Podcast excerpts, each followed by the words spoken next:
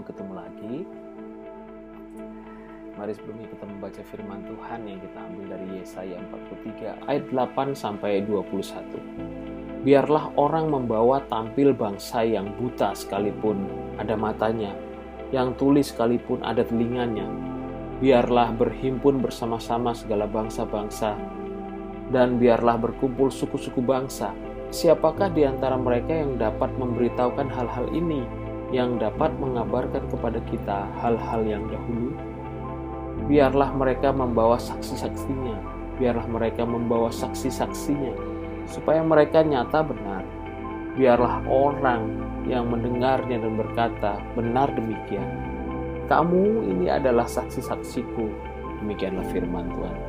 Dan hambaku yang telah kupilih, supaya kamu tahu dan percaya kepadaku, dan mengerti bahwa aku tetap dia. Sebelum aku tidak ada Allah dibentuk dan sudah aku tidak akan ada lagi. Aku, akulah Tuhan dan tidak ada juru selamat selain daripadaku. Akulah yang memberitahukan, menyelamatkan, dan mengabarkan, dan bukannya Allah asing yang ada di antara kamu. Kamulah saksi-saksiku, demikian firman Tuhan dan akulah Allah.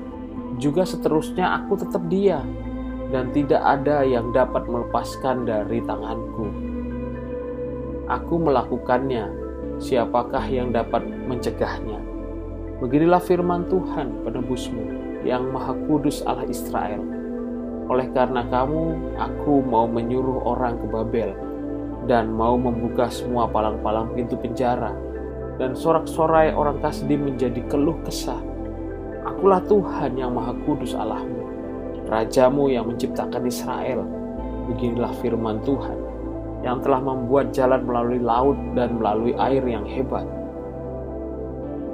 yang telah menyuruh kereta dan kuda keluar untuk berperang, juga tentara dan orang gagah.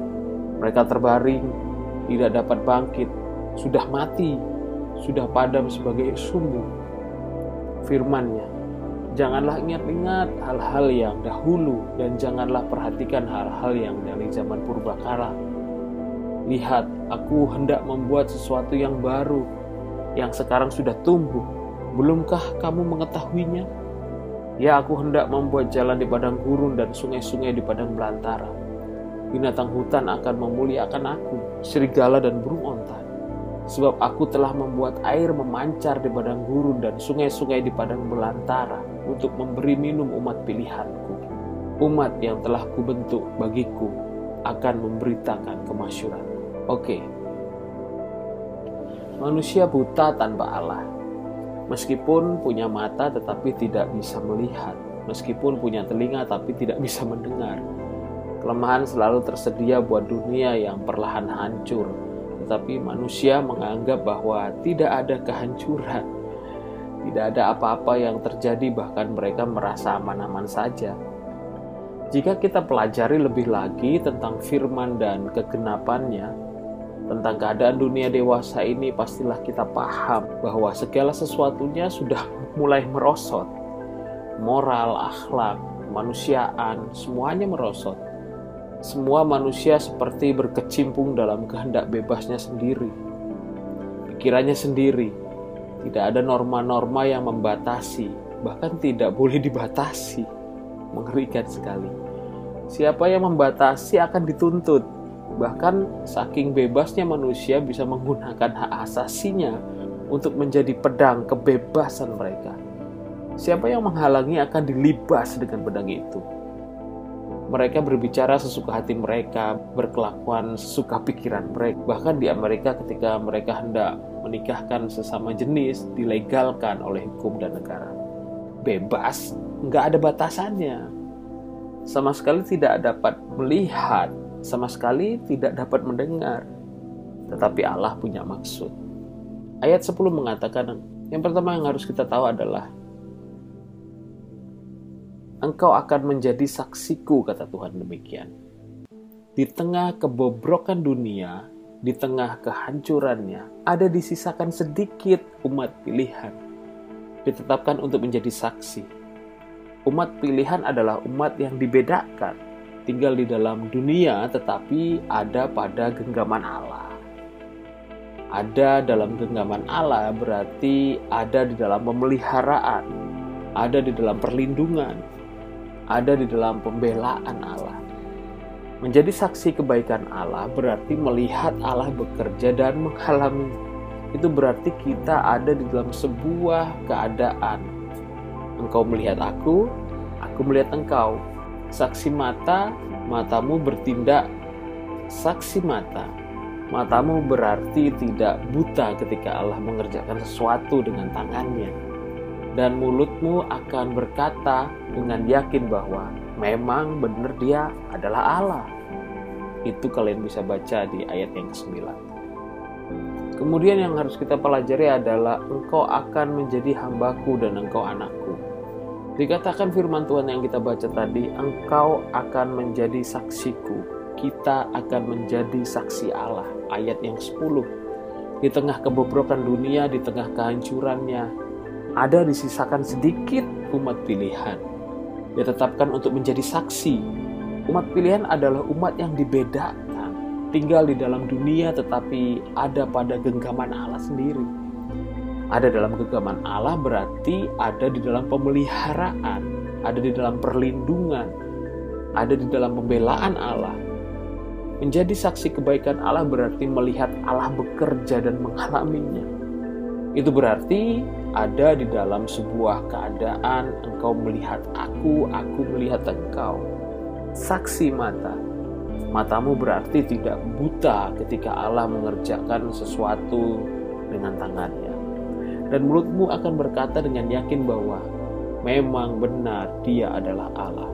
Tadi kita sudah baca di ayat yang 9. Dikatakan juga dalam firman Tuhan, engkau akan menjadi hambaku dan engkau anakku hamba itu batu, saudara.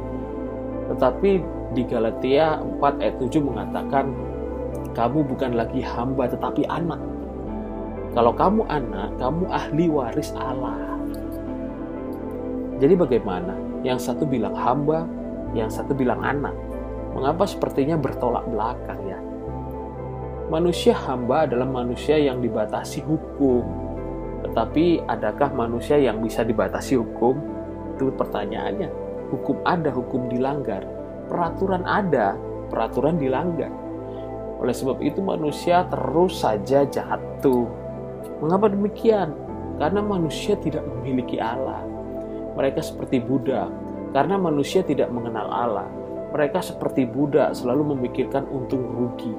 Betul tidak?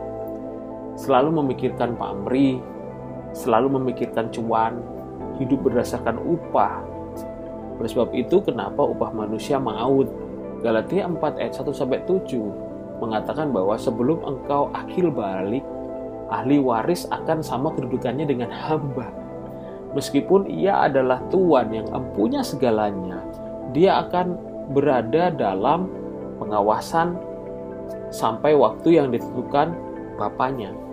Begitu pula manusia rohani ketika belum akil balik mereka akan takluk dengan roh-roh dunia.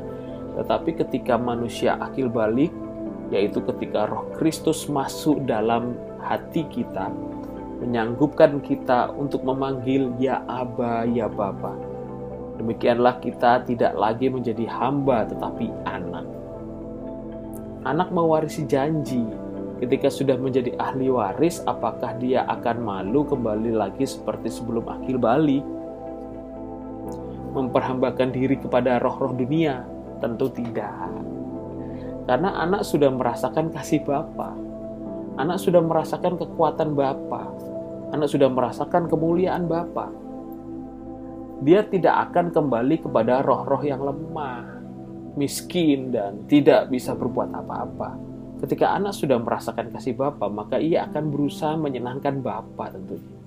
Dengan melakukan kehendak Bapa bahkan menjadi hamba Bapa, menjadi hamba yang berbeda dengan sebelumnya, yang bekerja tidak berdasarkan upah, melayani dengan tidak karena untung rugi, tapi karena menyenangkan Bapa, karena mengasihi Bapa. Apakah saudara tidak mau menjadi yang seperti ini? Tuhan akan menepati janjinya. Firman Tuhan berkata di ayatnya yang ke-22 dan 24. Engkau tidak memanggil aku, engkau tidak bersusah-susah karena aku, engkau tidak membawa korban bakaranmu, engkau tidak memberkati aku dengan korban sembelihanmu. Aku tidak memberkati engkau dan kemudian menuntut korban sajianmu atau menyusai engkau dengan menuntut kemenyan. Tidak menuntut uangmu, tetapi apa yang kau kerjakan, engkau memberkati aku dengan dosamu, engkau menyusahkan aku dengan kesalahanmu, manusia bajingan, Terus apa yang dikatakan Tuhan? Aku, akulah dia yang menghapus dosa pemberontakanmu oleh karena aku sendiri. Dan aku tidak mengingat-ingat dosamu. Ingatlah aku, marilah kita berperkara. Kemukakanlah segala sesuatu supaya engkau nyata benar. Jadi apalagi yang kita ragukan kepada Tuhan, saudaraku. Sudah cukup semua kata-kata dalam firman-Nya. Ia adalah Allah Ya dan Amin, Alfa dan Omega, yang pertama dan yang terkemudian, yang awal dan yang akhir, pijakan yang teguh, batu karang yang kokoh, iman dan pengharapan ada pada Dia. Oleh sebab itu, layaklah Dia dimuliakan, layaklah kita layaklah kita bergiat untuk Dia, layaklah kita sengsara untuk Dia, layak layaklah kita bersyukur kepada bahwa memang benar pelindung kita, bahwa memang benar Dia adalah pelindung kita, dan setiap janji yang pernah keluar dari mulutnya pasti akan digenapi. Dan inilah yang dikatakan Tuhan. Tuhan akan membuat sesuatu yang baru, yang di luar daripada pemahaman dan pemikiran kita. Untuk siapa? Untuk kita. Tadi kita sudah baca jalan di padang gurun, sungai di padang belantara, air akan memancar dan umatku akan minum.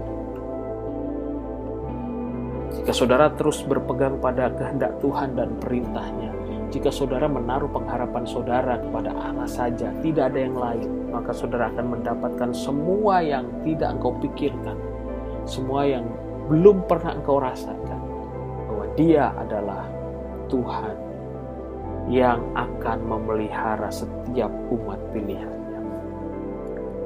Tetap semangat saudaraku dan tetap berbuat baik. Tuhan Yesus memberkati Anda.